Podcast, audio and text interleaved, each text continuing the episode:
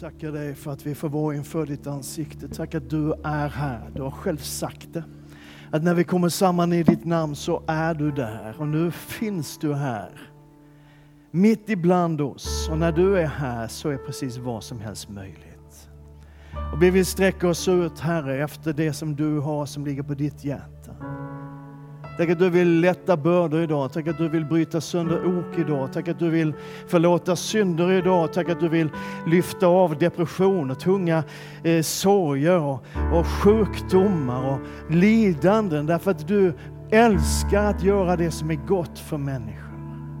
Så vi bara kommer till dig med alla våra behov, med allt vad vi är. Och säger, gör det du vill med oss och i oss och genom oss, Herre Jesus. Amen, amen. Amen. Amen. Halleluja. Vad härligt att få mötas också i adventstid. Jag, de som känner mig vet att jag har väldigt svårt för vintern. Där jag kommer ifrån så har vi ingen vinter alls. Finns inte, man, man lär sig inte i skolan i Skåne vad vinter är ens. Eh, men det finns ju liksom mitt i det här vintereländet så finns det de här ljuspunkterna att få fira advent och vänta in och liksom ställa sig in på att välkomna Jesus Kristus, världens frälsare. Och så det, det gillar jag. Eh, så man får, man får glädjas åt det som finns. Eller hur? Och så är det lite snö. Det blir lite bättre när det är snö. Eller hur? Ja, det är bra. Vet, alltså, det, det, är ju så här, advent kan vara ganska mycket olika saker. Jag har en känsla av att om man skulle göra en sån här snabb enkät i rummet och säga vad tänker du på när du hör ordet advent så skulle man få lite olika svar. Vi har lite olika bilder vad det är för oss. Eh, och så där. För en del så, så blir adventstiden ganska stressig. Det handlar mest om stress och jäkt och man ska hinna allt det här som ska hinnas med innan det är jul och nyår och man, man liksom förhoppningsvis kan, kan flämta ut lite grann tillsammans med vänner och släkt och, och familj och sådär. Eh, och, och, under den här tiden, jag vet inte om ni har märkt det, men jag tycker att jag har märkt lite grann att det känns som att butikerna vill få oss att köpa grejer. Eller? Är det någon som har märkt det också? Köp och köp och köp och köp och köp. Eh, och, och liksom för några år sedan så började man med Black Friday. Och vad väldigt fort det gick så blev det Black Weekend, har du märkt det? Och sen gick det lika fort så blev det en hel Black Week. Och sen så, nu när den tog slut så dyker genast Cyber Monday upp. Liksom. Och just som, som den tar slut så att imorgon, imorgon börjar julrean. Ja, det kanske den inte gör, men, men alltså det finns ju något stressande i alla de här budskapen om allt som vi liksom bara måste skaffa oss, eller i alla fall om vi inte skaffar det till oss själv så borde du köpa det här till någon annan. Och sen andra försöker liksom så gott det bara går att både hitta och bevara den här glädjen och friden och förväntan som kanske fanns där när man var liten och som man så väl behöver under årets allra mörkaste tid. Och advent är en förberedelsetid, det vet en del av er. Från början var advent en fasteperiod, precis som man innan påsken har 40 dagar fasta så hade man, inte 40 dagar, men, men typ 30 dagar eller 20 dagar, så det blir mindre och mindre. Nu har vi inget kvar där, men det här var en fasteperiod, en förberedelsetid för att kunna ta emot världens frälsare Jesus Kristus. Och det ligger ju i det här, advent proklamerar någonting nytt. Advent proklamerar en ny tid. Jag raljerade lite grann över förra söndagen att vi hade domsöndag. För det var det förra söndagen. Och när resten av världen, eller stora delar av resten av världen firar Kristus konungens dag. Liksom, och, och, liksom, det här att Jesus kommer tillbaka och han kommer i triumf och han kommer för att regera i evigheternas evighet. Det har vi i Sverige domsöndag. Men grejen är att kyrkoåret egentligen spänner från ankomst till återkomst. Men det, handlar ju om att någonting nytt bryter in. Att någonting förändras, att någonting liksom inte längre är som det har varit. Och det är bra. För det handlar om ljuset som bryter in och skingrar mörker. Och det handlar om hopp och det handlar om frihet och faktiskt ett visst mått av glädje också. Det handlar om att Gud själv kommer till oss för att skapa någonting nytt. Någonting som är helt och någonting som är vackert och någonting som handlar om att återupprätta världen till det som den en gång var tänkt att vara. Det är adventsbudskapet. Och jag tänker att vi mer än någonsin behöver det där ljuset och det där hoppet och den där tron på framtiden. För vår värld mår inte bra. Människor mår inte bra. Naturen mår inte bra. Det är egentligen väldigt få saker i vår tillvaro som mår bra och är som de var tänkta att vara när Gud skapade alltihop. Och det är många som upplever att vårt land, vårt älskade Sverige, har blivit både hårdare och kallare och mörkare. Och egentligen så gäller det nog för hela världen. Det är så mycket strider, det är så mycket konflikter, det är så mycket korruption och det är så många människor som lider. Och också i det heliga landet, för att ta ett exempel, också i det heliga landet så är det krig. Igen. Då kanske någon tänker att det var ju en förfärligt dyster inledning på en predikan. Hultberg, skärp dig nu. Vi är här för att höra glädjebudskapet och det kanske kommer.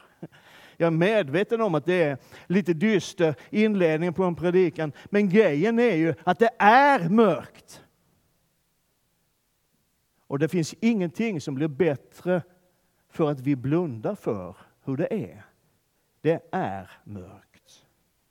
Men det var till det mörkret och in i det mörkret som Gud sände sin son.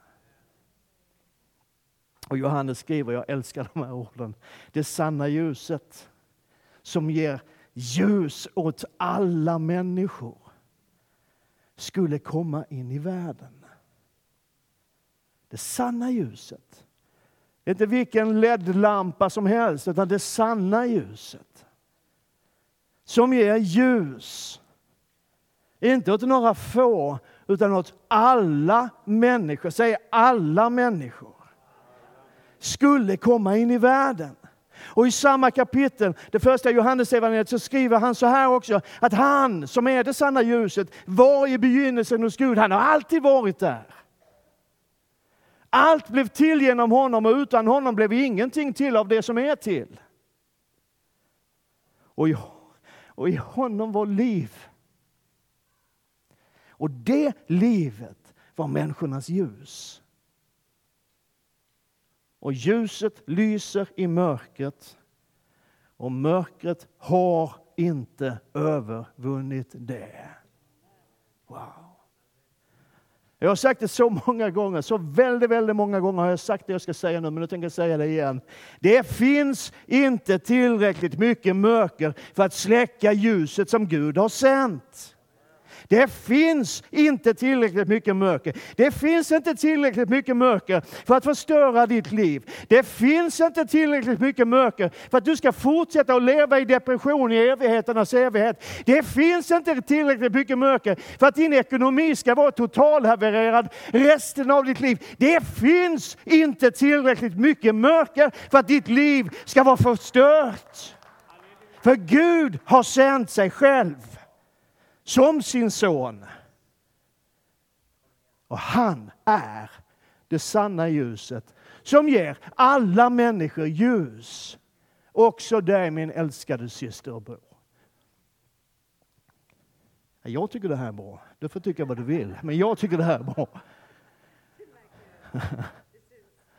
Och en av de här texterna som är föreslagna för den här söndagen i kyrkoårets texter, vi följer inte dem så jättenoga i vår församling. Vi är är lite vildvuxna sådär. Men så handlar det om löftet om något nytt som bryter in.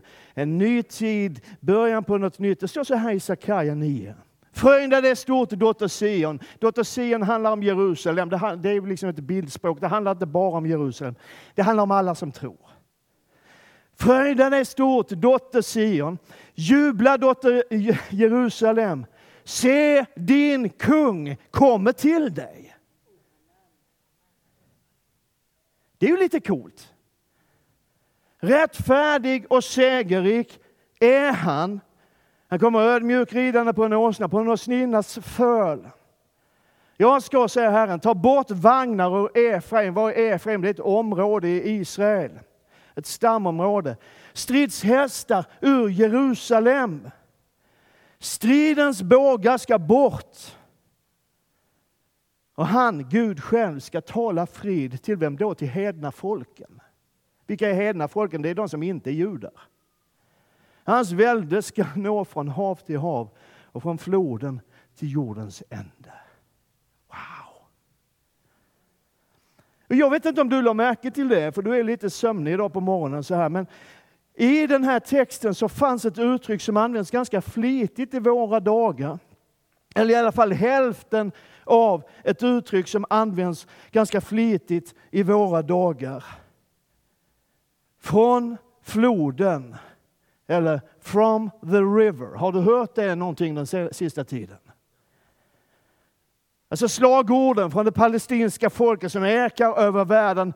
From the river to the sea, Palestine will be free. Och så kontrar israeliterna med att from the river to the sea, this is the only flag you will see. Ja, man kan tänka och tycka och fundera på det här. Och du funderar just nu på vad i all världen blir det här för en adventspredikan? Och det blir en härlig adventspredikan. Tror jag, för du kommer upptäcka någonting och du kommer förstå om en stund varför pastor Christer väljer att första advent 2023 tala lite grann om konflikten mellan Israel och Palestina.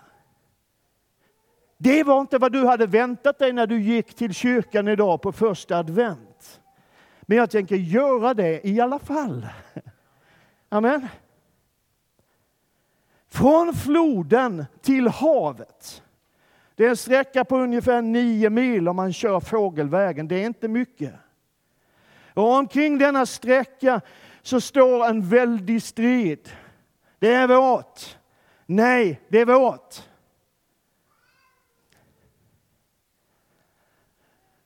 Du som känner mig vet att jag tillhör inte de allra mest rabiata Israel-hysterikerna. Men jag tror att Israel är Guds egendomsfolk. Och jag tror att landet gavs av Gud till det judiska folket. Det tror jag på. Och jag tror inte på en ersättningsteologi där, där vi som församling har ersatt Israel, utan jag tror på en fortsättningsteologi som börjar med roten. Israel. Och ur denna rot skjuter du upp ett skott som ett rotskott ur förtorkad jord. En ringa telning, vem är det? Det är Jesus Kristus. Och han säger om sig själv att han är trädet som kommer från roten och så är vi grenarna på det. Det är en fortsättningsteologi. Amen. Jag hade inte tänkt säga, men nu gjorde jag det också.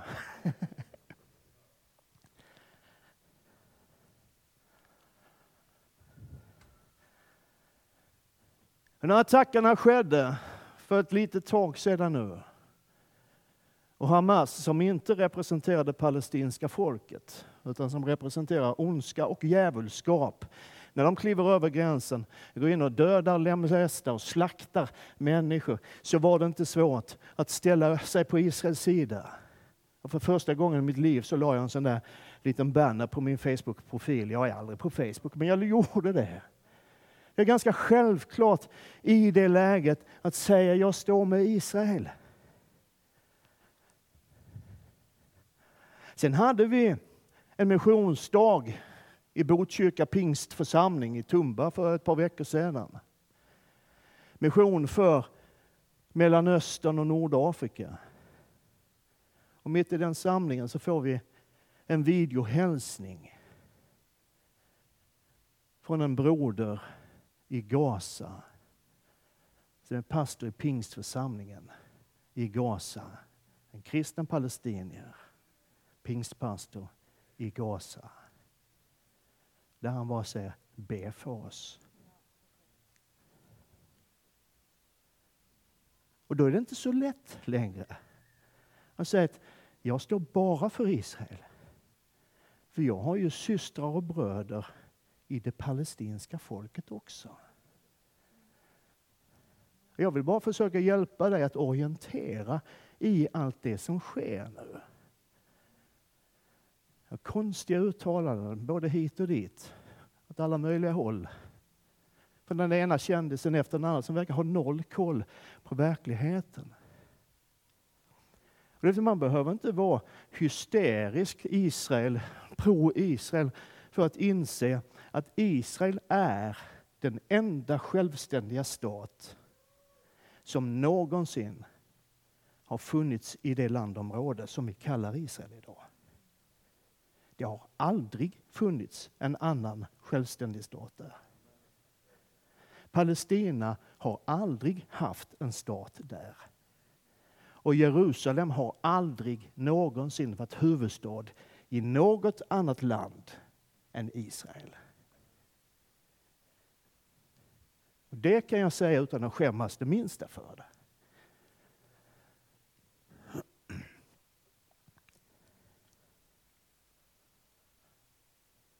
Varför tar du det här idag? Jo, därför att bibelordet kopplar så starkt in i den här tiden så jag undrar om vi riktigt fattar hur starkt bibelordet kopplar in i den här tiden. Som jag sa, från floden till havet, det är nio mil fågelvägen. Men löftet, det profetiska ordet, talar om någonting som är så mycket större. Så oändligt mycket större. Det stod så här. Först handlar det om stridsvagnar och stridshästar som ska tas bort och vapen försvinner. Och Gud talar frid och han talar frid till hedna folken. Sitt eget folk har han redan lovat frid. Han talar frid till hedna folken, det vill säga icke-judar. Jag ska ta bort vagnar och Efraim, hästar och Jerusalem, stridens bågar ska bort. Han ska tala frid till hedna folken. Och sen talar profeten om Guds riket. Om Guds herravälde. Alltså hans välde ska nå från hav till hav och från floden. Inte till havet, utan till jordens ändar. From the river to the ends of the earth. Wow. Och jag vet inte om du har tänkt på, på det, men det, det är ju som att flera av de här adventstexternas löften blir alldeles speciellt aktuella och hoppingivande i den tid som vi lever i. Det är därför jag tar det här idag. Lyssna till texten från Jesaja. Vi brukar läsa den lite senare i adventstid, bortåt jultid, men lyssna på den redan nu. Det ska inte vara nattsvart mörker där ångest nu råder. Förr i tiden lät han Sebulons och Naftalis land vara föraktat, men i kommande dagar ska han ge ära åt trakten längs havsvägen. Landet på andra sidan Jordan. Hedna folkens Galileen. Var är havsvägen? Ja, men det är ju land, vägen som går längs med kustremsan. Det är väg fyra från Tel Aviv neråt Gaza till. Alltså Gaza ligger ut med havsvägen. Är du med? Och var är andra sidan Jordan? Ja, Jesaja skriver in i en situation när folket befinner sig i fångenskap i Assyrien. Så det här, när han ser på andra sidan Jordan så måste man se det från den assyriska sidan. Vad är då andra sidan Jordan? Ja, men det är ju det som vi i våra dagar kallar för Västbanken.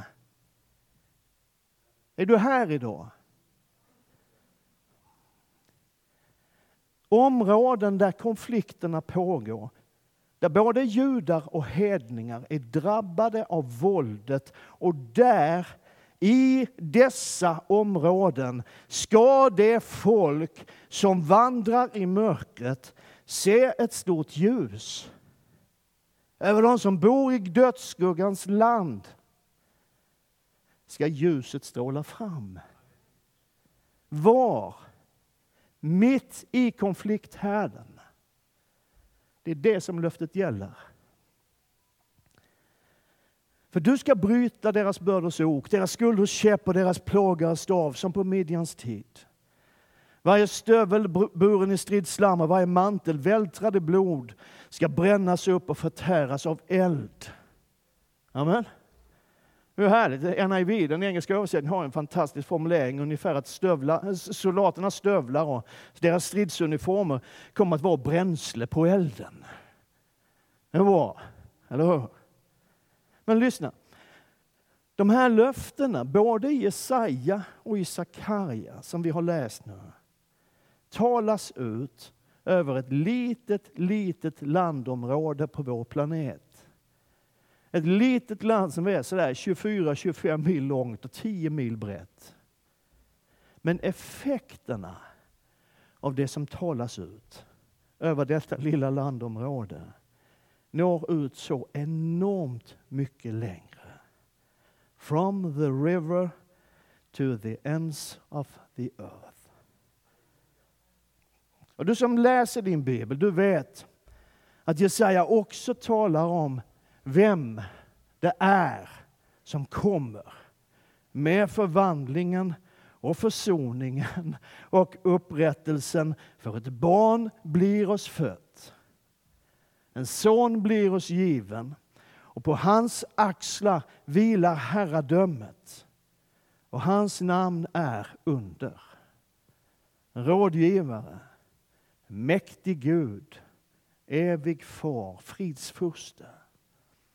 Så ska herradömet bli stort och friden utan slut över Davids tron och hans rike. Bara smaka på det ordet. Och ta det till dig i din situation som ett löfte från Herren om frid utan slut. Frid utan slut. Paulus skriver ibland, eller på något ställe om en frid som övergår allt förstånd.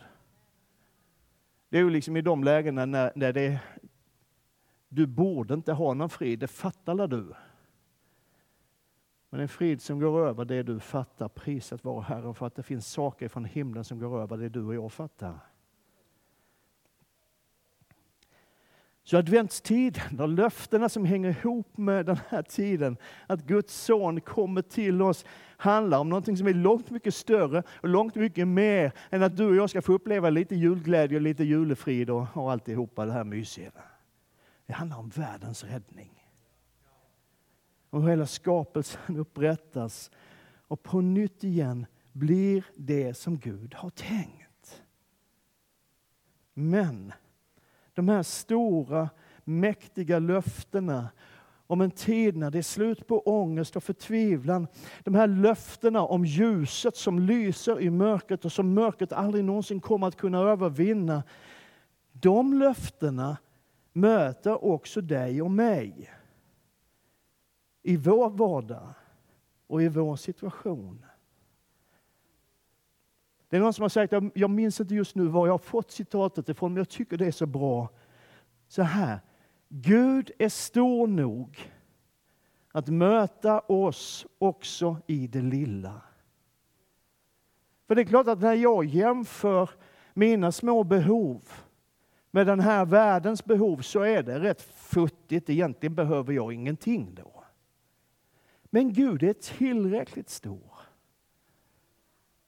för att ta hand om hela den här världen och förvandla den och också möta mig och min lilla onda lilltå, eller vad det nu är. Visst är det makalöst? Paulus skriver, han citerar Jesaja 57. Han, Jesus, har kommit och förkunnat frid för er som var långt borta och frid för dem som var nära. Det är frid på alla plan, eller hur? De som var nära, det är det judiska folket. De som var långt borta, det är du och jag. Men det är samma frid från samma Herre som han bara vill skänka in i ditt liv, där du befinner dig, i den situation som plågar dig kanske just nu.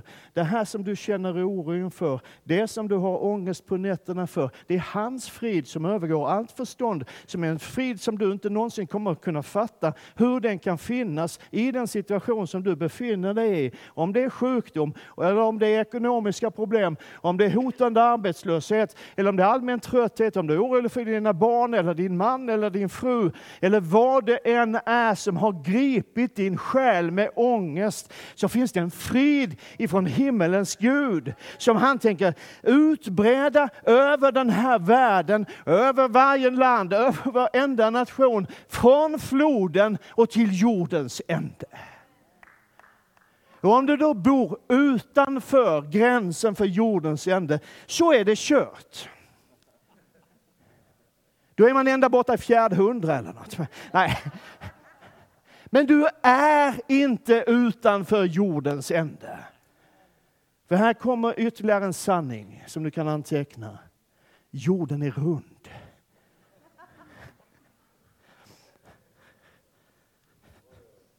Det är Mars som är platt. Alltså, friden och ljuset räcker för alla. Och det räcker för dig. Jag tycker bara det är så vansinnigt häftigt att inse att vi lever i en tid där de här bibelorden som vi har läst gång på gång, gång på gång, gång på gång om vad som ska hända och hur Gud ser på Israel-Palestina-konflikten.